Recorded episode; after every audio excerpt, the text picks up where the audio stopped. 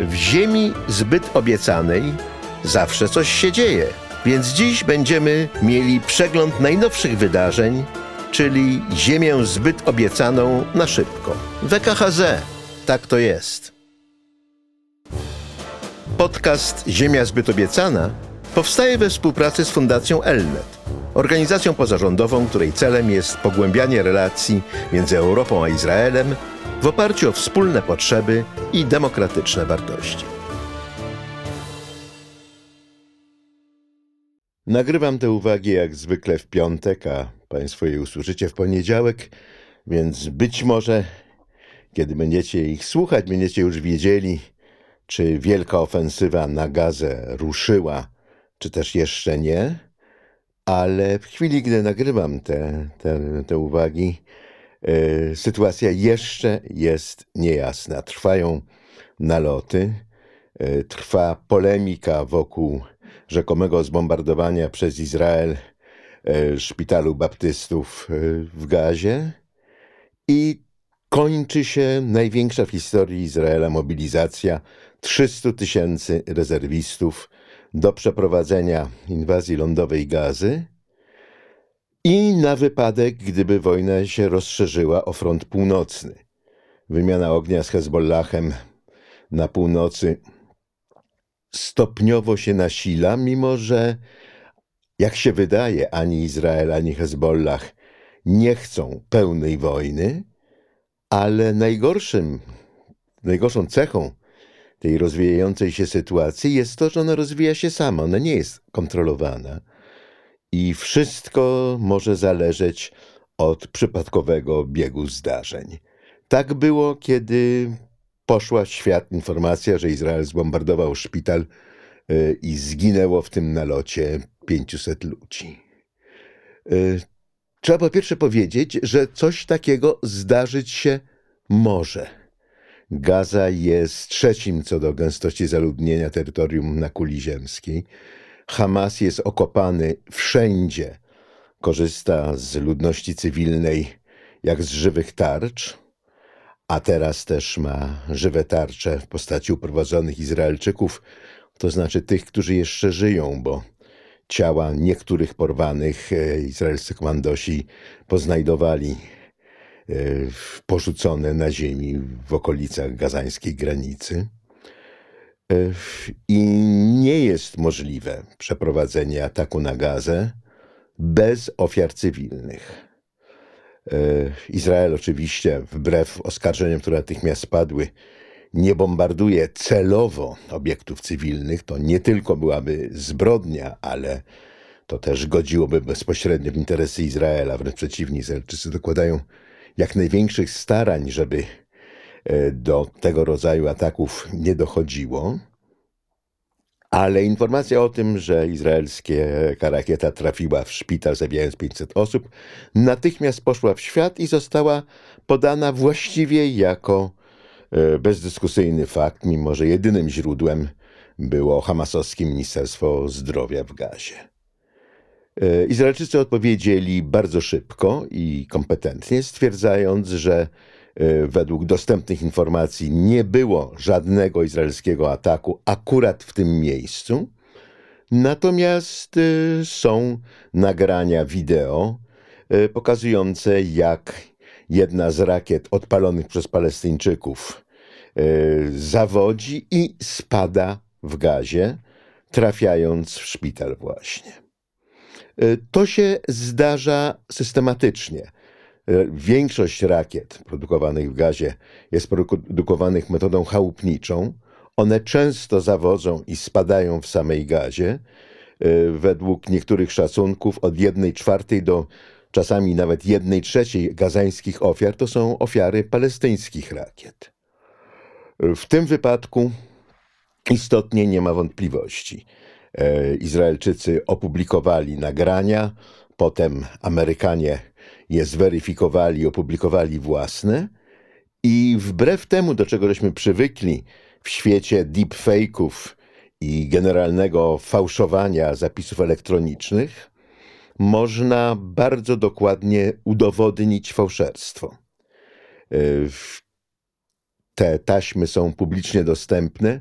Nikt nie zarzucił ich sfałszowania. Widzimy na nich, jak jedna z palestyńskich rakiet spada, co zresztą wyjaśniłoby, e, dlaczego na opublikowanych już po wybuchu zdjęciach widać zniszczenia na parkingu przy szpitalu, natomiast e, budynki wydają się nietknięte, e, z wyjątkiem ostrzelanych szapnelem ścian i wybitych okien.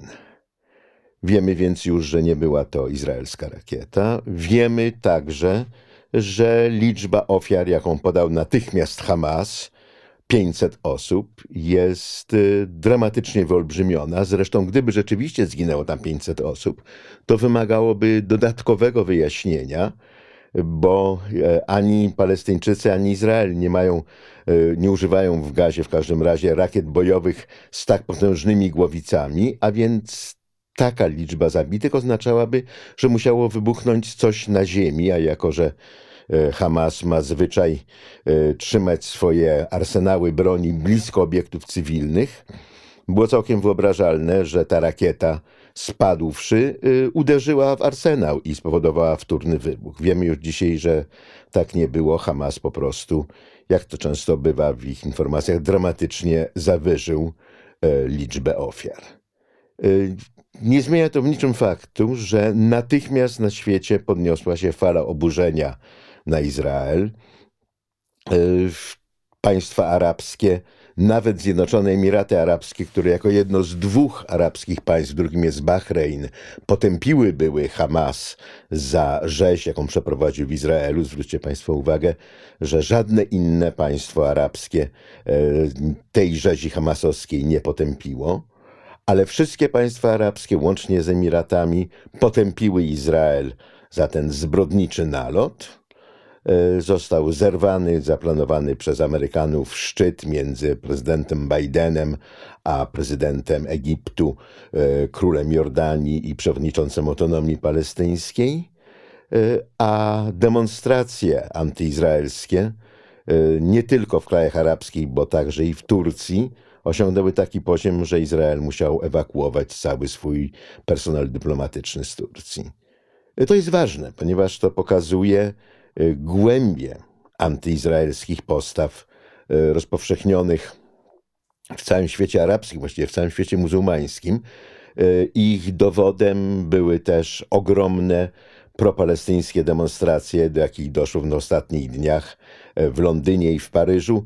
E, co prawda tylko w Sydney na takiej demonstracji wołano Żydzi do gazu, ale nie ulega cienia wątpliwości, e, że tutaj nie o Palestyńczyków chodzi, tylko o radość z zabijania Żydów.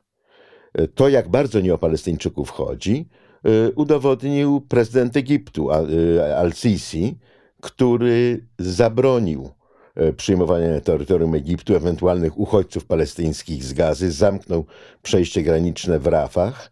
Teraz e, trwają negocjacje nad ewentualnymi dostawami pomocy humanitarnej do gazy przez to przejście. To wymaga zgody Egiptu, ale także jakiejś wiarygodnej formy kontroli nad zawartością tych transportów. W sytuacji, kiedy w szkołach ONZ-u składowana jest broń Hamasu, E, trudno, żeby Izrael zaufał ONZ-owi, jeśli chodzi o przeprowadzenie tych kontroli. Być może będzie jakiś trójstronny mechanizm izraelsko-egipsko-amerykański. To wszystko jest negocjowane. Na razie przejście w Rafach jest e, zamknięte. E, co więcej, w Izraelu trwa sprzeciw przeciwko dostarczaniu pomocy humanitarnej gazie, dopóki Hamas, który gazą rządzi, nie zwolni uprowadzonych Izraelczyków, na co rzecz jasna się nie zanosi. Ale niezmiernie interesujące są powody, jakie podał prezydent Sisi, dlaczego Egipt nie godzi się na przyjmowanie palestyńskich uchodźców. Otóż, mówił prezydent, Palestyńczycy mają zostać w gazie i walczyć o swoje, a nie, jak należy się domyślać, tutaj iść na łatwy chleb do Egipcjan. E, Pomijając już fakt, że odmowa przyjmowania uchodźców jest sprzeczna z prawem międzynarodowym, pokazuje to bardzo mocno, jak instrumentalnie traktowane są interesy Palestyńczyków. Jeżeli można e, utrudnić sytuację Izraelowi, to to, że cenę za to ponoszą Palestyńczycy, jest już bez znaczenia. To Izrael oczywiście będzie obciążony odpowiedzialnością za to, że Egipt będzie odmawiał udzielenia Palestyńczykom podstawowej pomocy humanitarnej. Drugim powodem, dla którego Egipt odmawia przyjmowania Palestyńczyków, jest obawa, że wśród uchodźców będą także Hamasowcy, którzy dołączą do działających już na Synaju grup terrorystycznych i walczących z reżimem Sisiego i je wesprą. Innymi słowy, oprócz e, no, skandalicznego posługiwania się Palestyńczykami jako e, sztonami w grze, E, Egipt boi się tego samego, czego obawia się Izrael, to znaczy infiltracji palestyńskich terrorystów z gazy, e, ale Egiptu za to nie spotyka krytyka międzynarodowa. Król e, Jordanii także zapowiedział, że Jordania żadnych uchodźców palestyńskich nie przyjmie, mimo że Jordania nie ma granicy z Gazą i nikt nie proponował takiego, takiego pomysłu. I mimo tego, że Jordania jako jedyne oprócz e, Syrii państwo arabskie, e, w ogóle przyznaje obywatelstwo Palestyńczykom. Inne państwa arabskie e, odmawiają, Arabia Saudyjska na mocy ustawy odmawia Palestyńczykom obywatelstwa, no stwierdzając właśnie, że Palestyńczycy mają zostać u siebie i walczyć, a nie tutaj uciekać do arabskich kuzynów. Gdybym był Palestyńczykiem, to wyobrażam sobie, że taka postawa budziłaby moją wściekłość i wyobrażam sobie, że Palestyńczycy tak to czują, tyle tylko, że wyrażanie e, przez Palestyńczyków jakichkolwiek politycznych postaw, które nie są zgodne e, z tym, czego sobie życzy kierownictwo, w gazie w każdym razie jest czymś niezmiernie ryzykownym. Tam już nie ma żadnej palestyńskiej opozycji. Po tym, jak Hamas raz przejął władzę, to palestyńską opozycję zlikwidował, zrzucając jej przedstawicieli publicznie z wysokich pięter budynków na bruk, tak żeby nikt nie miał wątpliwości, co go czeka, jeżeli przeciwstawi się władcom gazy. To, że Hamas rządzi gazą e, wbrew woli jej mieszkańców, jest też jasne e, z badań opinii publicznej przeprowadzonych e, tuż przed obecną fazą walk w której większość e, mieszkańców Gazy poparła pomysł, że Hamas powinien przestać walczyć z, z Izraelem, a podjąć z nim negocjacje. E, wydawałoby się to zresztą czymś zdroworozsądkowym, tyle tylko, że karta Hamasu zabrania jakichkolwiek negocjacji z nielegalnym sionistycznym tworem, jak nazywany w niej jest Izrael, i stwierdza, e, dogmatycznie ma to wartość dogmatu religijnego, Hamas jest ruchem religijnym, że jedynie walka zbrojna może doprowadzić do palestyńskiego zwycięstwa. Wziąwszy pod uwagę, że Gaza od 2005 roku nie jest okupowana i od 2006, odkąd władzę tam objął Hamas, toczy tę walkę zbrojną z Izraelem, e, można by zadać zasadne pytanie, e, co takiego ta walka zbrojna Gazańczykom dała oprócz śmierci i zniszczenia. Ale jeżeli do tej ofensywy lądowej dojdzie, to zakres śmierci i zniszczenia będzie niewątpliwie ogromny. Nie ma sposobu na to, by toczyć walkę w terenie zabudowanym z wrogiem, który wykorzystuje ludność cywilną jako żywe tarcze, bez znacznych strat własnych i ogromnych strat po stronie wroga. I jako, że jest y, rzeczą oczywistą, że liczba ofiar palestyńskich, y, które w końcu nie wybrały sobie tego losu, y, Hamas nie może być uważany za uprawnioną reprezentację Palestyńczyków, nawet tych mieszkających w Gazie, no bo odkąd w demokratycznych wyborach objął władzę, skasował demokratyczne wybory i nigdy się już nie poddał osądowi swoich poddanych. Nie można więc Palestyńczyków obarczać odpowiedzialnością za zbrodnie Hamasu. A więc istotnie e, śmierci palestyńskich cywilów, którą bez trudu można przewidzieć, można uznać za karę zbiorową, która jest e, w prawie międzynarodowym zbrodnią. I z tego można by wysnuć logiczny argument, że skoro nie można przeprowadzić ofensywy w gazie bez tak znaczących strat wśród Palestyńczyków, Izrael powinien się od tej ofensywy powstrzymać. E, tyle tylko, że na to kontrargumentem, na który ja w każdym razie nie widzę odpowiedzi, jest stwierdzenie, że oznaczałoby to, że każdy, kto dokonuje rzezi sąsiadów, a potem chowa się za plecami e, swojej ludności cywilnej, może być pewien bezkarności. Jeżeli nie dojdzie do miażdżącej izraelskiej kontrofensywy w Gazie, Hamas będzie starał się powtórzyć ten swój triumf e, z przed dwóch już tygodni, w którym wymordowano 1300 przypadkowych osób tylko za to, że są Żydami i mieszkają w zasięgu rażenia Hamasu. No bo jeżeli to było bezkarne, to będzie to zachętą do następnych zbrodni. Innymi słowy, oczekuje się od Izraela, żeby chronił ludność cywilną wroga bardziej niż jest w stanie chronić własną ludność cywilną.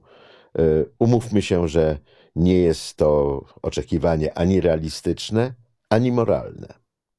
Pozostaje oczywiście pytaniem, e, co zrobić z gazą po nieuchronnym w końcu zwycięstwie Izraela, które doprowadzi do zmiażdżenia Hamasu, pojmania bądź zabicia jego kierownictwa i postawienia przed sądem tych sprawców rzezi hamasowskiej, którym uda się przeżyć. E, powrót izraelskiej okupacji byłby katastrofą. Katastrofą i dla Gazy, i dla Izraela. E, Gaza stawiałaby opór nowej okupacji i słusznie nie, okupacji nikt nie chce, nie, nie chce, nikt nie lubi. E, w związku z tym Izrael musiałby przekazać władzę nad Gazą komuś. Komu? Autonomii palestyńskiej, która nie kontroluje nawet y, całego zachodniego brzegu, gdzie sprawuje władzę.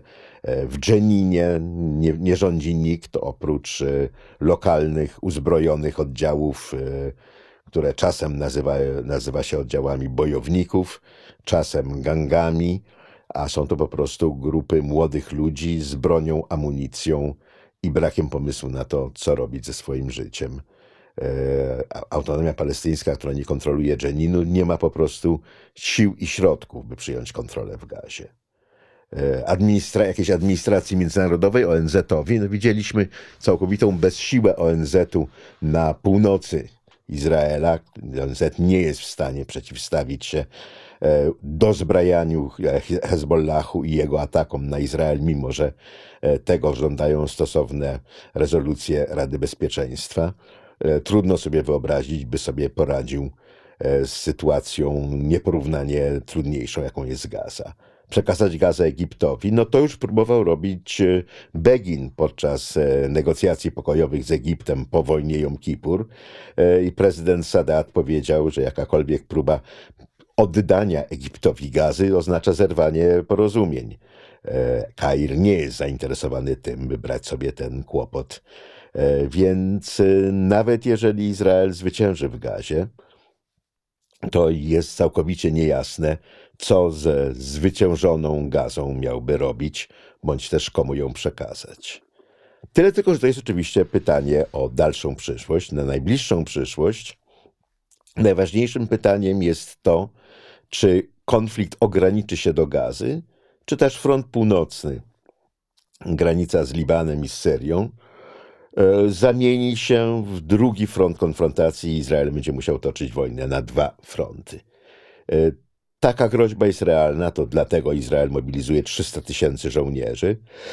A proszę pamiętać, że w niewielkim kraju, jakim jest Izrael, który liczy 10 milionów ludności, mobilizacja 300 tysięcy ludzi oznacza paraliż części gospodarki i jest nie do utrzymania na dłuższą metę. Innymi słowy, e, tych 300 tysięcy ludzi musi albo wrócić do gospodarki, albo iść na pole boju. Trzymanie ich w rezerwie nieskończoność oznaczałoby katastrofę gospodarczą kraju i być może dlatego Hezbollah podnosi napięcie na granicy północnej, żeby skutecznie wykrwawić Izrael ekonomicznie, skoro e, póki co nie może tego zrobić militarnie. E, dla Hezbollahu otwarta konfrontacja, taka jak w Gazie, to oznaczałaby, że tą, tę część Libanu, którą Hezbollah kontroluje, spotkałby los gazy. Izraelczycy tutaj nie będą się patyczkować, zagrożenie jest zbyt wielkie. a dowódcy Hezbollahu są ludźmi ra racjonalnymi, choć e, e, kierującymi się dość odrażającą kalkulacją moralną. I tego, jak się wydaje, nie chcą, podobnie jak Izrael nie chce eskalacji na północnej granicy, tyle tylko, że nikt tej sytuacji nie kontroluje. Jeden skuteczny ostrzał Hezbollahu, w którym zginęłaby znaczna liczba Izraelczyków, musiałby wywołać zmasowaną izraelską ripostę, a ta pełną wojnę. Między innymi dlatego Izrael ewakuował niemal całą północ. Ponad 300 tysięcy Izraelczyków jest w tej chwili e, uchodźcami we własnym kraju, e, znajdują schronienie w opuszczonych przez turystów hotelach, e, u znajomych, u rodzin. Ta sytuacja też nie może trwać dłużej. A ostateczne decyzje zapadną przecież nie w Libanie, a w Teheranie. Zadecydują polityczni mocodawcy i Hezbollahu, i Hamasu, czyli ajatollahowie, którzy stają w obliczu niezwykłego dość dylematu.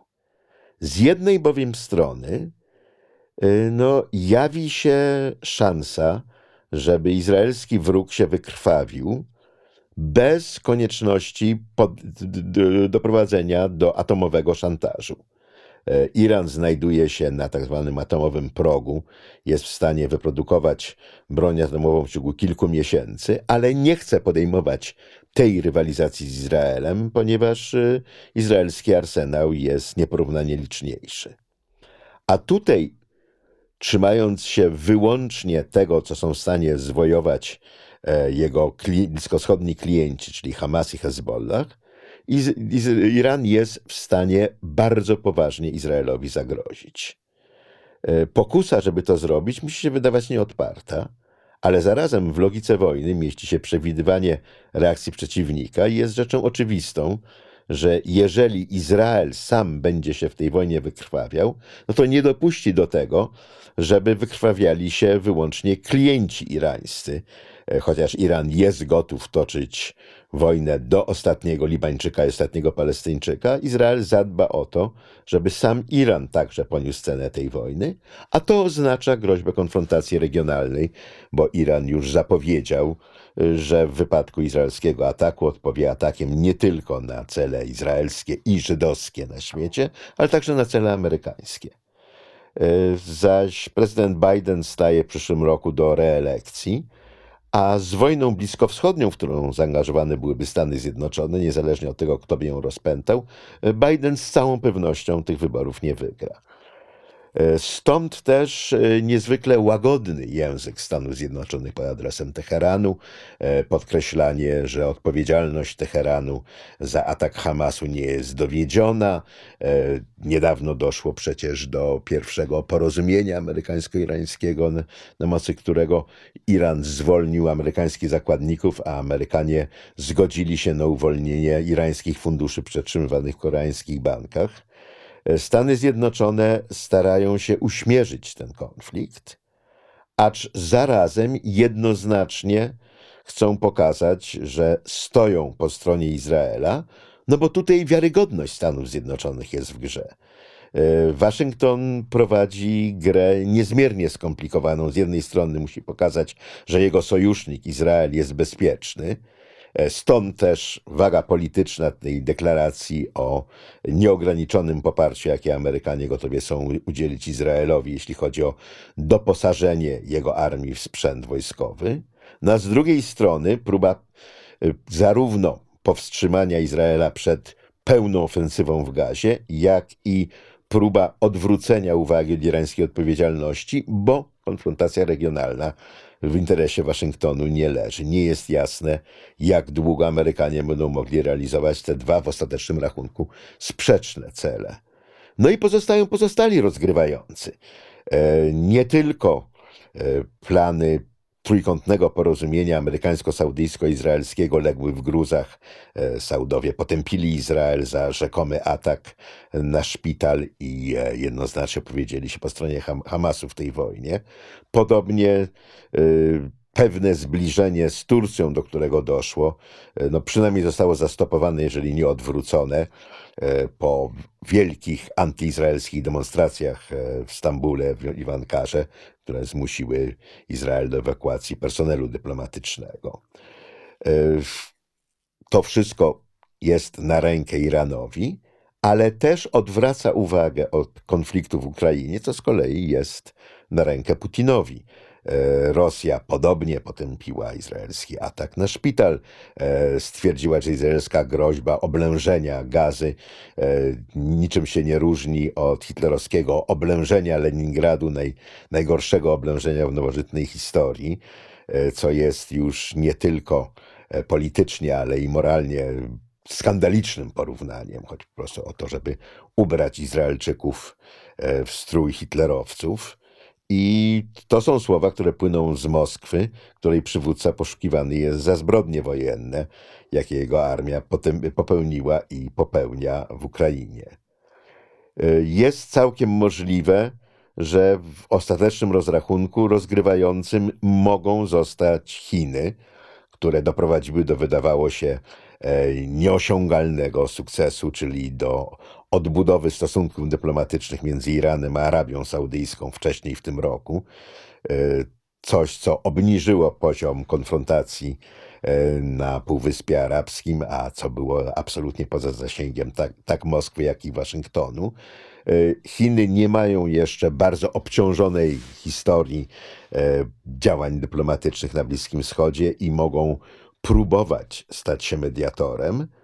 A właśnie ze względu na to, że ich karta nie jest obciążona, być może mogłyby nawet stać się mediatorem skutecznym. Tyle tylko, że to w niczym nie, nie zmienia dwóch podstawowych czynników, które kształtują sytuację. Z jednej strony ogromnej potrzeby Izraela, żeby znów poczuć się bezpiecznie.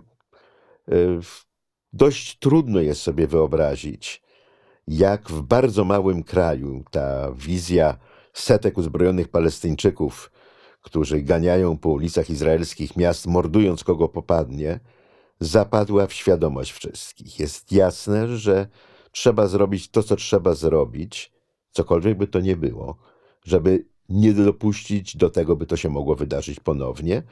I to jest czynnik, który działa ponad wszelkimi innymi rozważaniami. To jest czynnik, który sprawił, że dwóch z trzech przywódców opozycji zgodziło się na ofertę Benjamina Netanyahu i wstąpiło do jego rządu.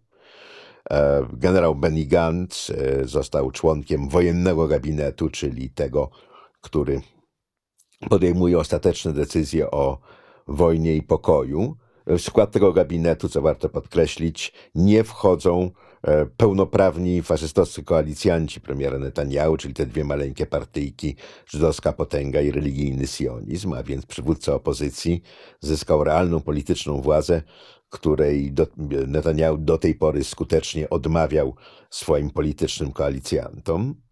E, zaś e, Avigdor Lieberman wszedł po prostu w skład rozszerzonego gabinetu, ale już nie gabinetu wojennego.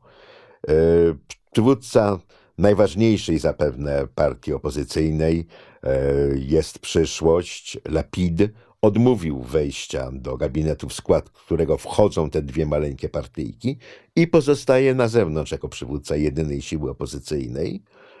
E, kiedy wcześniej przed tą e, przeraźliwą wojną rozważaliśmy różne scenariusze ewolucji sytuacji politycznej w Izraelu, wyobrażalne było, że jeżeli dojdzie do wynegocjowania tego trójkątnego porozumienia saudyjsko-amerykańsko-izraelskiego, e, któremu sprzeciwiłaby się na pewno e, izraelska skrajna prawica, koalicyjni partnerzy premiera Netanyahu. Netanyahu mógłby się zwrócić do opozycji, żeby pozwoliła mu pozbyć się prawicy, poparła rząd, poparła porozumienie z Saudyjczykami, no oczywiście za cenę zapomnienia o wcześniejszej krytyce premiera no ten scenariusz właśnie się realizuje. E, najważniejsza e, partia opozycyjna, Jedność Narodowa, już jest e, w gabinecie, bez słowa krytyki pod adresem tego, co w demolce wymiaru sprawiedliwości gabinet ten osiągnął. I być może to wyznacza nową normę jedności narodowej, być może zostanie to przekute w trwalsze porozumienie polityczne, gdzie rzeczywiście za cenę pozbycia się przez Netanyahu skrajnej prawicy, e, czy opozycja, czy jej część e, pozbyłyby się aspiracji, by odwrócić tę demolkę sprawiedliwości, która już się dokonała. No a drugim czynnikiem jest nieprzewidywalność wojny. Jak się rzekło, e, atak na szpital nie był dziełem Izraela, ale tego rodzaju straty cywilne są wyobrażalne podczas ataku na Gazę, nie dlatego, że Izrael tego chce, tylko dlatego, że chce tego Hamas, który się chroni za Gazańczykami jak za żywymi tarczami. E, podobnie skuteczny ostrzał Hezbollahu z Libanu może spowodować takie straty izraelskie, że Izrael będzie musiał reagować. W jednym i w drugim wypadku e, przypadkowy bieg wydarzeń może doprowadzić do takiego zaostrzenia sytuacji, że wszyscy stracą nad nią kontrolę i staniemy w obliczu regionalnej wojny. Bardzo trudno sobie wyobrazić bieg wypadków, który by tę groźbę mógł odwrócić, ale gdy Państwo będziecie tego słuchali w poniedziałek, będziecie na pewno wiedzieli więcej niż ja w tej chwili.